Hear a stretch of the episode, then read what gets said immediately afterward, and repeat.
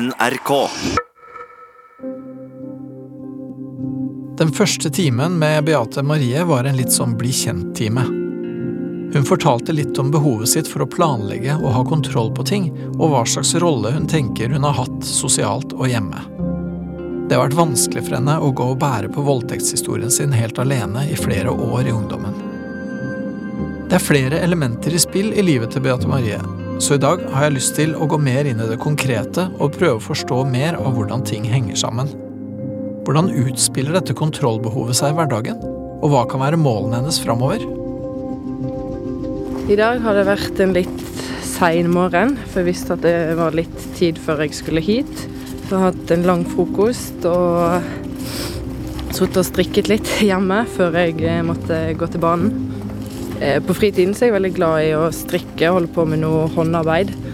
Kjæresten min blir litt irritert når vi ser på film og jeg sitter og strikker, for han tror jeg ikke klarer å følge med. Men jeg klarer å Jeg må ha noe i hendene for å holde de opptatt mens jeg ser på noe. Denne gangen, eh, andre gang hos Peder, jeg gruet meg mer enn første gangen. Eh, Nå, Det at jeg gruer meg litt mer til andre gang enn første gang, tror jeg at første gang var litt mer satt, føler jeg. At da må jeg presentere litt hvem jeg er, og Peder må bli kjent med meg, og jeg må bli kjent med hvordan han opererer. Mens nå er det litt mer Kanskje litt mer på hva jeg faktisk sliter med, og ikke bare hva som, hvem jeg er og hva som har skjedd. Men litt mer med ja, hva jeg sliter med hver dag. Jeg gruer meg ikke bare til den timen, jeg gleder meg òg litt til det å gå litt mer i dybden på på en måte det som plager meg til hverdags. da. Det som er mest Det som tapper mest energi. Um, så det er jo tungt å måtte snakke og tenke og vurdere på hva det er, men i det lange løp så håper jeg det blir bedre. Uh, Nå at dette er bare andre gangen, så føler jeg egentlig vi har kommet veldig godt i gang. Så jeg tror det at disse timene framover kan, kan hjelpe meg, og at vi har ja, god tid på å finne ut hva og hvordan jeg skal løse det.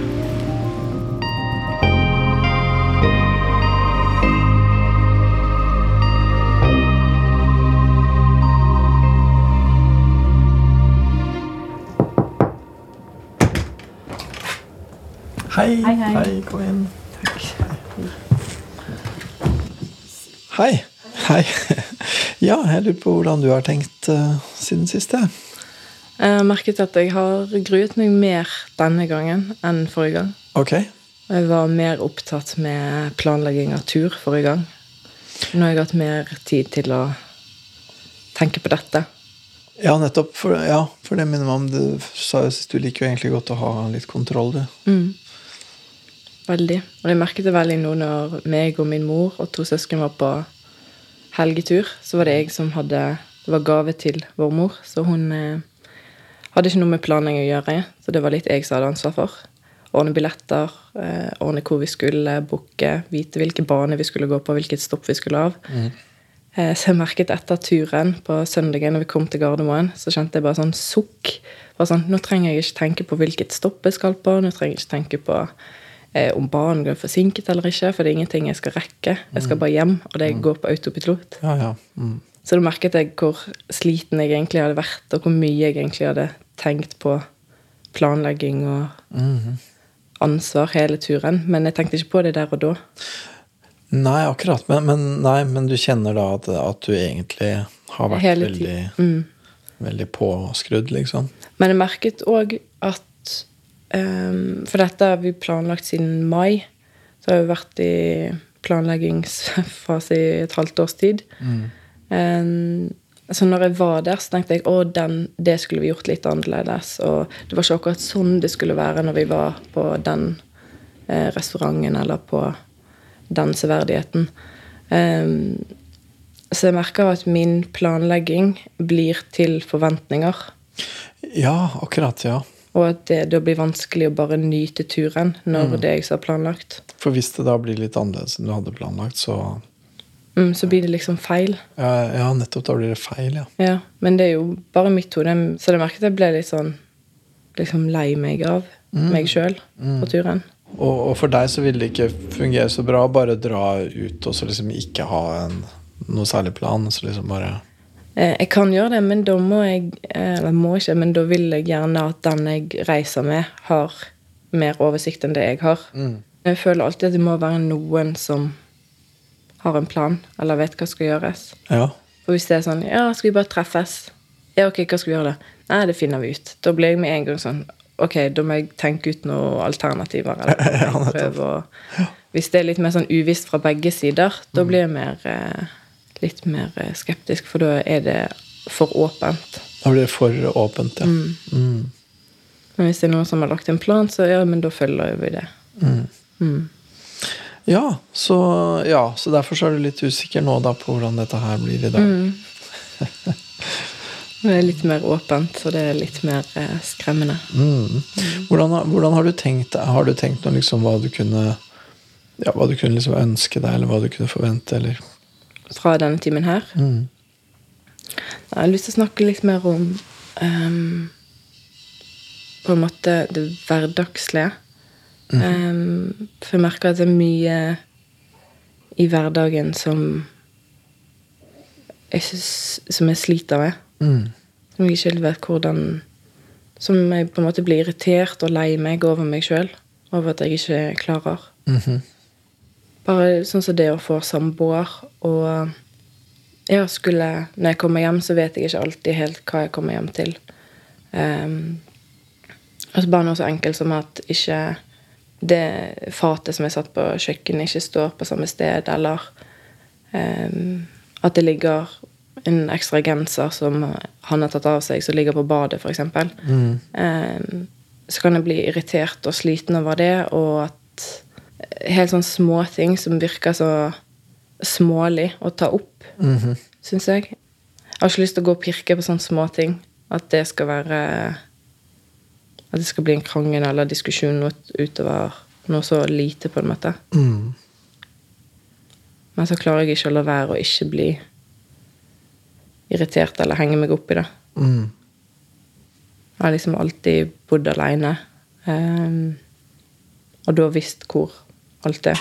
Ja, ikke sant? For det er litt fordel med å være aleine, på en måte. At da, da kan du ha full kontroll. Så, så hvordan er det Ja, det er jo liksom litt utfordringen med å ha med andre folk å gjøre, egentlig, da. At, at, at det kontrollaspektet glipper litt. Hvorfor skal ikke jeg klare å bare la være å være litt mer sånn som han? Ja, det er sånn du tenker, ja. At, at liksom du vil ikke at det skal være så mye Ja, at, at det må være på din måte hele tida. Ja, ja. Og det at han ikke rer opp sengen på samme måte som jeg gjør. Og det er jo egentlig en veldig fin ting at han rer opp sengen. Og så blir det sånn åh, men han har ikke gjort det på min måte. Han har ikke brettet det likt. Um, og det er jo egentlig en fin ting han gjør, og så klarer jeg å irritere meg over det. Blir det ikke er på din måte. liksom. Ja, og da blir jeg sånn oppgitt over meg sjøl at bare, men hvorfor kan ikke jeg bare la være og bare Ok, men nå har han gjort noe fint. Men det syns jeg er et godt spørsmål. Hvorfor kan du ikke bare la være? Det er et strålende spørsmål, Ja. Mm. Det er jo det vi lurer på. Hvorfor kan du ikke bare la være? Jeg har jo egentlig ikke noe svar på det, for jeg har jo tenkt på det sjøl. Jeg tror det er helt sikkert et svar på det, og jeg tror det er uh, viktig å finne litt ut av det. Men uh, hvis, vi, hvis vi går inn var det noe, Har det vært noe sånt i dag eller i går? eller noe sånt? Mm, nei, jo, det, jeg har gitt han en um, adventskalender. Og da er det sånn jeg har gjemt eh, pakker rundt hele leiligheten. Og da åpner han de som regel om morgenen i sengen, og da legger han eh, bossa av det, eller søppel, eh, fra gavepapir eller sånn, rett ved siden av sengen. Så sa jeg det hun dagen at eh, jeg tror jeg må legge til en ny regel på kalenderen, er at du må kaste det papiret. At det ikke bare blir liggende. Eh, For det er sånn, ja, men da åpner han det, så ser han på gaven, og så skal han stå opp. Ja. Og så går han videre, og så glemmer han gjerne det papiret, da. Ja, ja Det er et godt eksempel egentlig fordi det jo er så på en måte så lite. Men det er det at jeg må gi beskjed om det. Ja, for akkurat. Så Ja. Hvis han bare legger papiret der, så betyr det på en måte at han ser på deg som en slags hushjelp. Det jeg begynner å føle, er at jeg begynner å bli redd for at ja, det er det jeg skal være. At jeg skal rydde og ordne. Og at hvis jeg ikke gjør det, så blir han irritert på meg for jeg ikke har tatt opp det han har ligget på gulvet. Fordi du ikke har gjort jobben din. Mm. Ja. Så det blir jeg eh, Så det blir litt sånn Blir nesten litt sånn redd og lei meg av at det bare ligger der. Faktisk. Ja. Ja. Ja, nettopp. Og da er vi venner, vet du. For det høres ut som en liten ting. Mm. Og det høres ut som en sånn liten irritasjon, men det er ikke bare det. Mm. For, for deg så sier det noe om hele forholdet deres, på en måte. Mm. Ja. Og om hvordan han ser på deg. Om han tar deg ja, på en måte som en selvfølge, da, eller et eller annet sånt. Ja. Mm. Så det er sånne ting. Og så det at det er alltid han som lager middag, f.eks. Mm. Um, og så det er jeg som tar oppvasken. Så det er jo blitt en sånn arbeidsfordeling som eh, Ja, som er blitt en arbeidsfordeling, men som jeg er òg litt sånn Siden han lager middagen, og jeg ikke alltid er like flink med å ta oppvasken, så tenker han at det er det eneste jeg gjør. Men så er det jeg som skifter på sengen og vasker bad og vasker klær. Men ser han det? At, at uh, Jeg tror han ser det, men han uttrykker ikke det alltid. Um, eksempel når jeg kom hjem fra tur og vasket badet, så var det liksom ikke noe kommentar på, kommentar på det. Nei, du hadde ønska at han hadde kommentert på det? Ja, gjerne følge. Ja, riktig. Mm. Men hvordan går det andre veien, da? For ja, jeg må bare spørre sånn. Ja. Tar du han som en selvfølge, på en måte? Eller, eller viser du, eller formidler du til han at du tar han som en selvfølge? Må jeg sitte og tenke litt, så.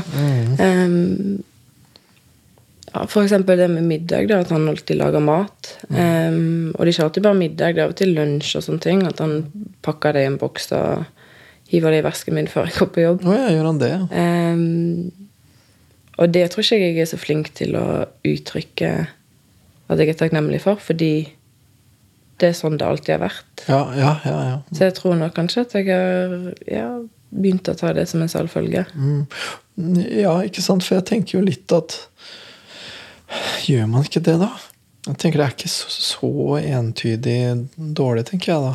Nei. Fordi at, fordi at det er jo liksom En annen måte å formulere liksom ta som en selvfølge på, er jo å regne med. ikke sant? Ja. At, at du regner jo med at han gjør ting for deg som du setter pris på.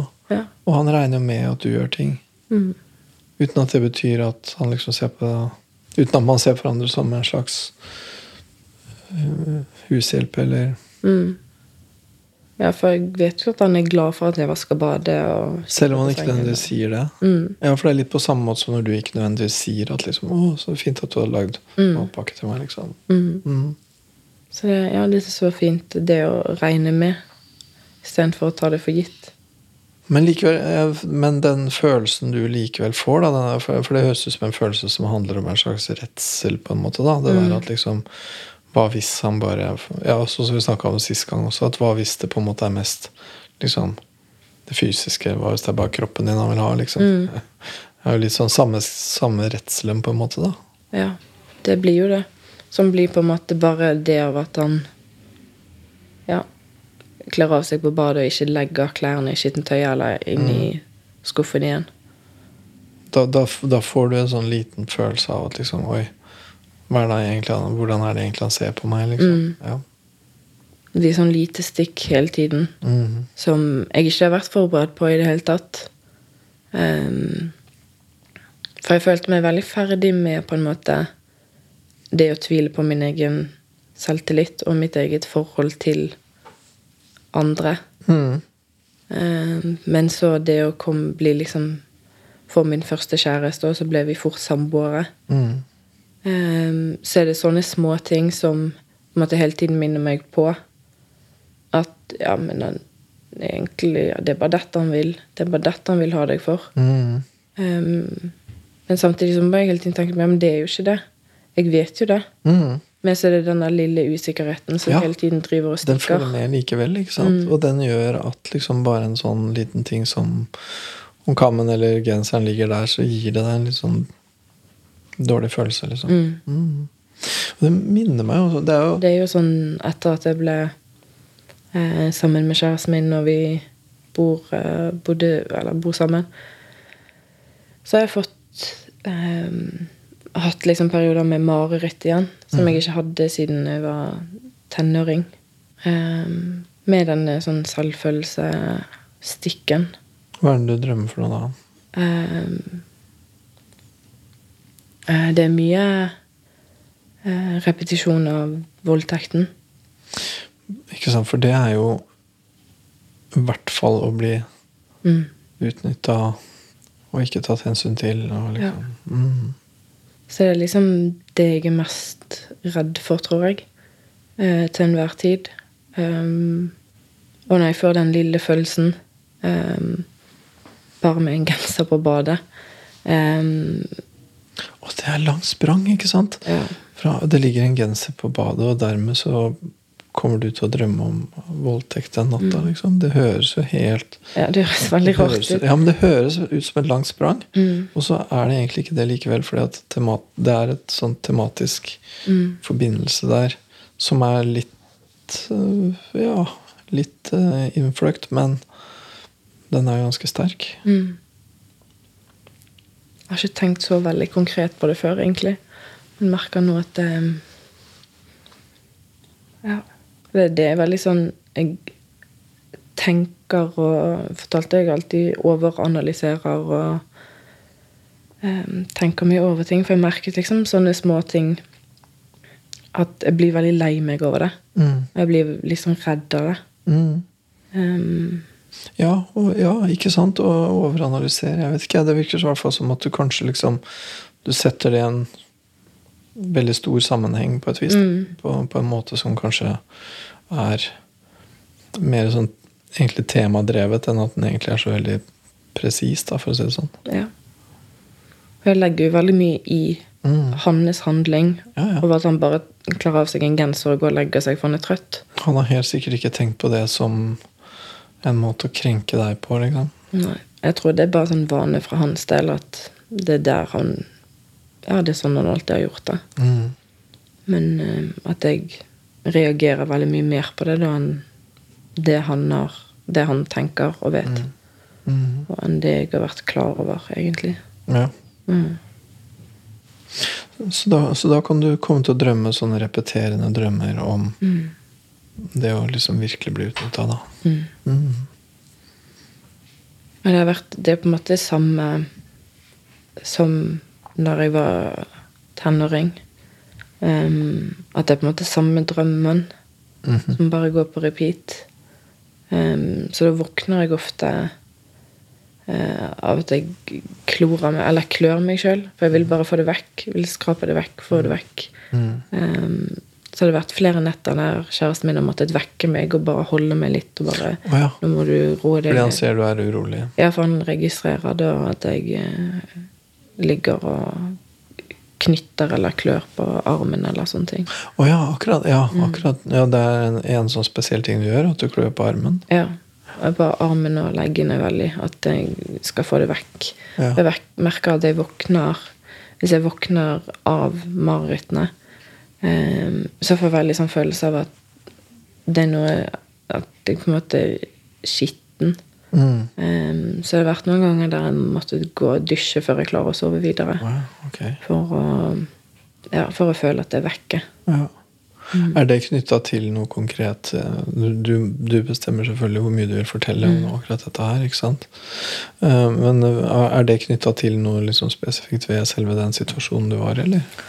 Um, jeg tror det har med at um, når jeg ble voldtatt, så uh, sleiket han meg i ansiktet. Mhm. Um, så den følelsen av å ha noe uh, du ikke bare kan plukke av Du må liksom vaske og tørke det av. Um, det er liksom ikke litt jord du kan dytte vekk eller børste av. Nei. Det er noe som må tørkes og vaskes vekk. Det blir jo hans spytt, rett og slett. Mm. Ja. Så Ja, for det er liksom det, det som har vært når jeg våkner og har den følelsen av at jeg ikke får det vekk. Og at det sitter liksom marerittet sitter i Mm. så veldig. Mm. Var, var, det, var det det du gjorde i selve situasjonen? Gikk du, gikk du og dusja, eller liksom? Um, I den situasjonen så var vi um, Så var jeg ute. Um, så med en gang vi kom tilbake til hotellrommet, så gikk jeg rett på badet og dusjet. Ja, nettopp. Ja. Mm. Og jeg husker jeg dusjet flere ganger dagen etter. For da var jeg bare på hotellrommet og sa jeg var syk de siste dagene. For jeg var på reise da. Mm. Og det var det flere ganger jeg måtte Jeg dusjet flere ganger den dagen etterpå. Mm. Fordi du følte at du fortsatt var skitten? Mm. Mm. Jeg vet ikke, kan jeg spørre sånn eh, Ja, og, og jeg- må bare si det, da. At jeg bare spør. Det er du som bestemmer hvor eh, langt du har lyst til å gå i hva du forteller. sant? Men kan, kan du beskrive litt mer hva det, hva det var som skjedde i den situasjonen?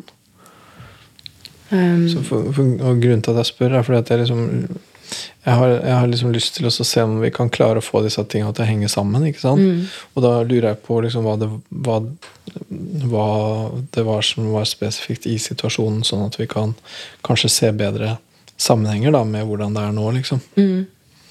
Nei, vi var på um, et sånt type utested, eller sånn disko. Men da drakk jeg alkohol for første gang.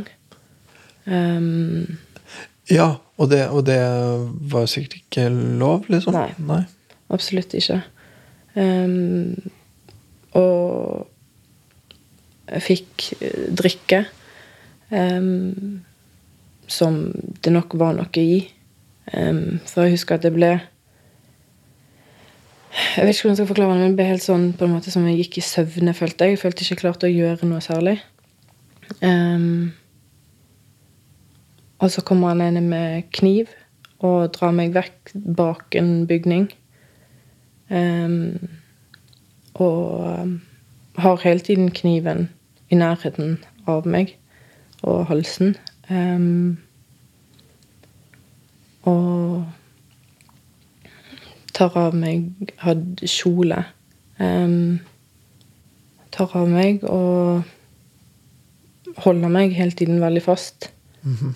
Um, og jeg ble jo veldig redd med en gang det var kniv opp mot Ja, det må jo ha vært forferdelig skremmende. Um, så jeg følte meg helt sånn lammet, og at jeg ikke kunne gjøre noe. Ja. Um, og han voldtar meg, og hele tiden sånn hysj og ikke si dette, og sleika meg opp etter kinnet, som jeg følte meg veldig sånn ydmyket. Um, og så um, i etterkant så um, er han veldig oppe i ansiktet mitt med kniven. Og uh, tror meg veldig mye at hvis jeg sier noe, så skal han komme tilbake igjen. Um, og så går han vekk, eller løper vekk. Så da husker jeg bare gikk og satte meg med inngangen der jeg visste vi skulle samles når vi skulle gå. ja. Og ventet der til vi skulle dra. Og med en gang vi kom tilbake til hotellrommet, så gikk jeg rett på badet og vasket meg og dusjet. Mm, ja. ja. Så ingen som, ingen som la merke til at du forlot stedet? Det var så mange um, Ja, så alltid hvis du var vekk, så var det sånn, «Å, har du vært og danset, eller har du vært på do, eller ja. For det var, du var liksom ikke bare en gjeng på tre stykker. Ikke sant? Det var mange, og så gikk Da- dette ganske fort, eller? Ja. Jeg, jeg har, har ikke noe tid på det. Nei. Um, men jeg kan se for meg at det kan, gikk på under en halvtime. Ja. Um, men jeg husker jeg fylte masse skyldfølelser i tiden etter fordi jeg ikke hadde lov å drikke. Um, jeg gikk med kjole som gjorde det lettere.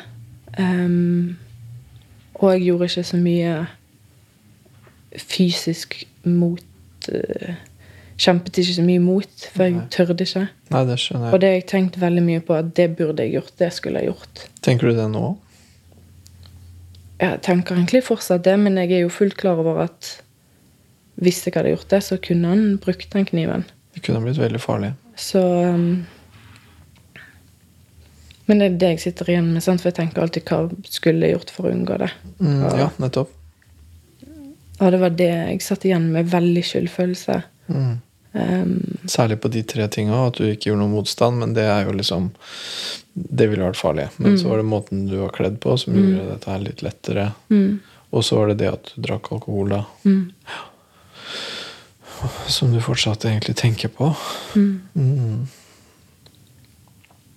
Så det var liksom mye med det at, at det ikke var min feil, men at jeg kunne gjort mye annet for å ha unngått det. Det er jo veldig naturlig at man tenker. Um, Man prøver liksom å eh, Det er jo en måte å prøve å liksom ta litt kontroll, da. mm, Ikke sant? At liksom hvis, hvis ting bare skjer, så er det jo det forferdelig skremmende, liksom. ja.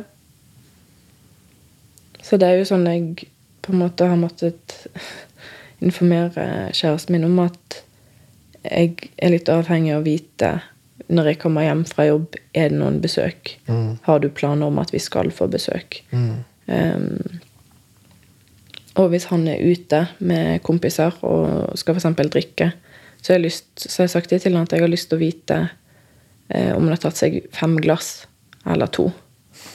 Ja, for det gjør en forskjell for deg, faktisk. Ja. Mm. Du vil gjerne bare vite det. ja. Skal jeg sette fram bøtta, eller skal jeg sette fram et glass vann? Um, Ja, det er noe med det at da vet jeg hva jeg har å forholde meg til. Nettopp, For det er ikke sånn at du blir utrygg av at han har drukket, liksom? Nei, ikke overfor han. Nei, ikke sant? Det har vært én gang fordi um, Da han har vært ute, så spurte jeg uh, hvor full han var. Nei, han hadde ikke, han var bare litt brisen. Han hadde ikke tatt så mye. Ok, da var det det jeg forventet. Og så kommer hjem, så kommer han hjem, Um, og så er han mye mer full enn det jeg var forberedt på. Og da ble jeg litt skremt, for først så skjønte jeg det ikke. Mm. Og så etter hvert så ble det sånn Ok, men nå er det, så tullet vi litt, og så eh, var det liksom slutt på tullet.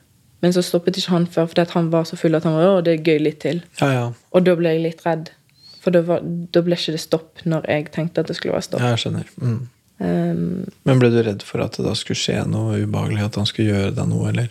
ja, Ja, da ble jeg det. Ja, faktisk. Mm. Um, og det sa jeg òg til han. Mm. Eh, så etter det så har det jo alltid vært sånn Han har sagt at jeg kan ikke sende en melding hver gang jeg tar en øl. Nei. Og jeg sa det, det er heller ikke det jeg mener. Eh, men bare det at jeg vet når du kommer hjem, hvilken hvor i land du ligger. Ja, det, det skjønner jeg, men ja. Det skjønner jeg, for det det jo på en måte Det blir akkurat som at det liksom det henger Selv sånne litt sånne ting som egentlig er ganske små og ubetydelige, og som ikke gjør deg sånn egentlig redd, da.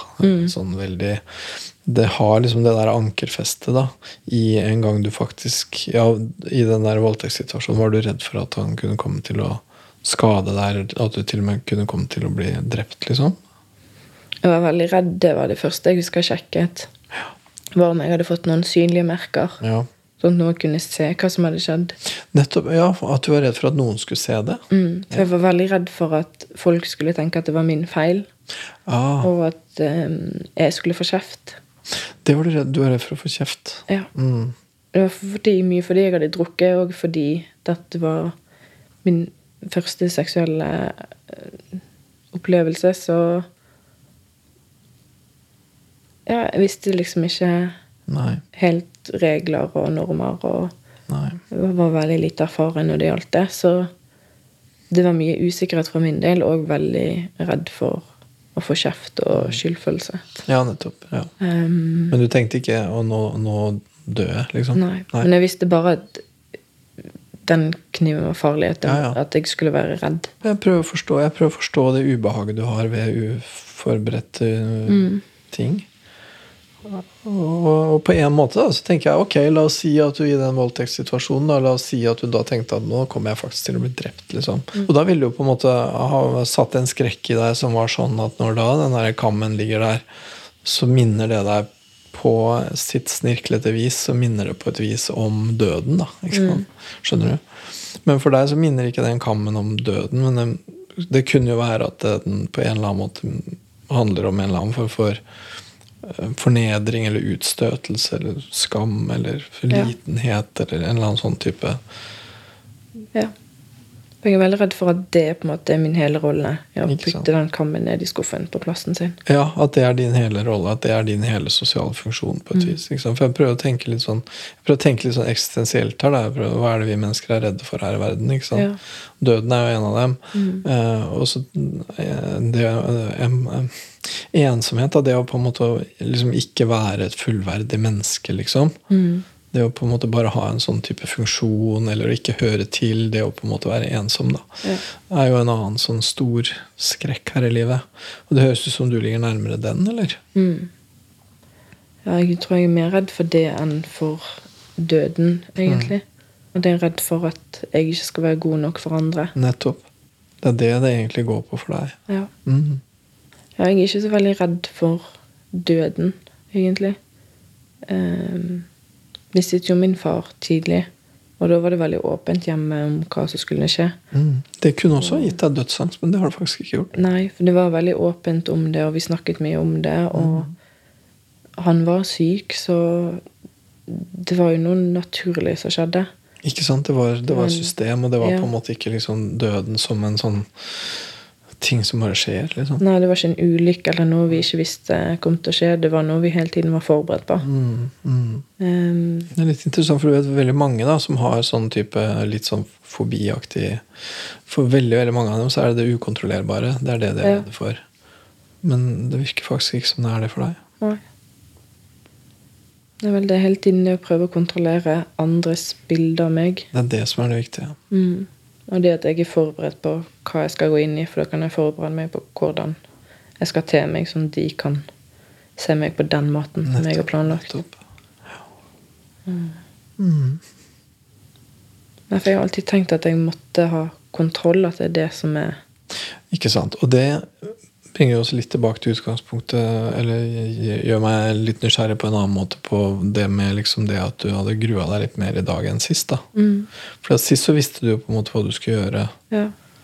Du visste rollen din på en vis. da. Mm. Men nå i den timen her var det annerledes. Men denne gangen her var ikke det så satt. Det Nei. var ikke så opplagt hva vi skulle snakke om. Nei. Ligger det litt i det at det var kanskje ikke så opplagt hva jeg forventer av deg? Hvordan du skal oppføre deg for å være ålreit, liksom? Ja, jeg tror det. Mm.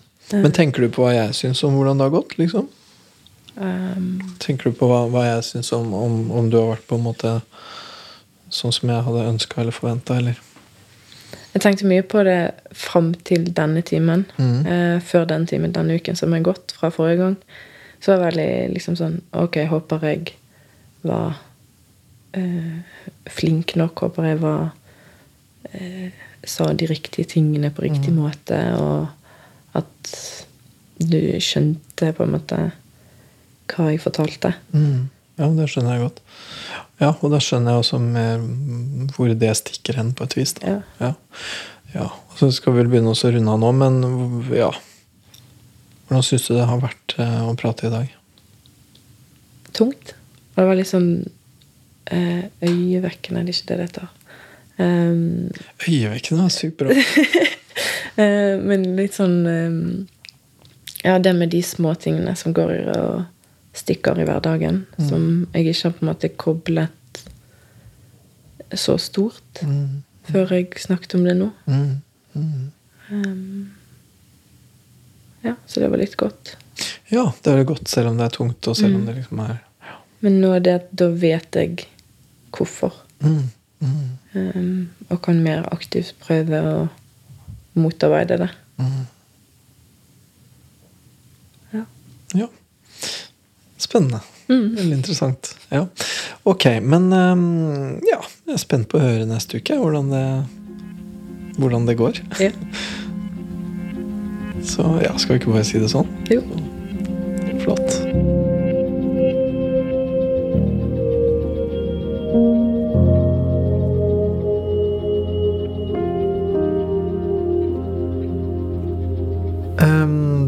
Her syns jeg eh, var en sånn time hvor vi liksom allerede begynner å sette sammen ting som eh, ja, som kan liksom virke som de ikke hører sammen, og så viser det seg at de gjør det likevel, på en ganske mørk måte, da. Så mm, det her gir jo liksom en slags dimensjon da, til eh, hverdagslige, tilsynelatende små vansker. Det er veldig vanlig å føle skyld eh, for ting som har skjedd med deg. Da. Også en eh, voldtekt, selv om det jo ikke er eh, noe man sjøl har skyld for. Men det er jo et forsøk på å prøve å forstå hva som har skjedd, og hva man kunne gjort annerledes. fordi at hvis det ikke er noe du kunne gjort annerledes, så er jo hele verden helt ukontrollerbar. Og enda farligere. da. Det er enda verre å ikke ha noen som helst påvirkningsmulighet. Og påvirkningsmulighet det er det samme som ansvar, og ansvar er litt det samme som skyld. Så det er eh, På en måte så er det noe litt sunt, egentlig, da, ved å tenke det. Så, så når hun sier at hun har skyldfølelse for voldtekten, så velger jeg ganske nøye å ikke motsi henne, da. Fordi at jeg tenker at eh, det eh, er et behov for å ta et visst ansvar for seg sjøl og for situasjonen. Jeg vil i hvert fall ikke liksom si Nei, det var ingenting du kunne gjort annerledes, eller noe sånt, fordi at det kan egentlig bidra til å gjøre situasjonen enda mer skummel og uoversiktlig og farlig. Jeg synes Det er spennende det der at hun grua seg mer til den timen her fordi at den jo på en måte er mer ustrukturert, mindre forutsigbar. Og jeg tror nok det at hun øh, kommer nok til å etter hvert også tenke mer på det, tror jeg, med det å være en god klient og det å gjøre ting riktig og det å liksom Eh, sånn som når det da har vært ganske bra framdrift da, i to timer, så eh, kanskje hun kan føle på en liksom forpliktelse til å fortsette å ha bra framdrift. da, For å være flink og gjøre dette her riktig. Så jeg tror nok vi skal møte eh, en motbakke ganske snart, og at det blir spennende. Det er jo veldig vanlig at i de første timene så skjer det ganske mye, og så stagnerer det litt. Og så begynner man å tvile litt på hele prosjektet og, og lure og sånn. Og akkurat den tvilen og den motbakken og det som skjer da, er det jo veldig viktig å interessere seg for og analysere. da. For det er jo også noe som skjer ellers i livet.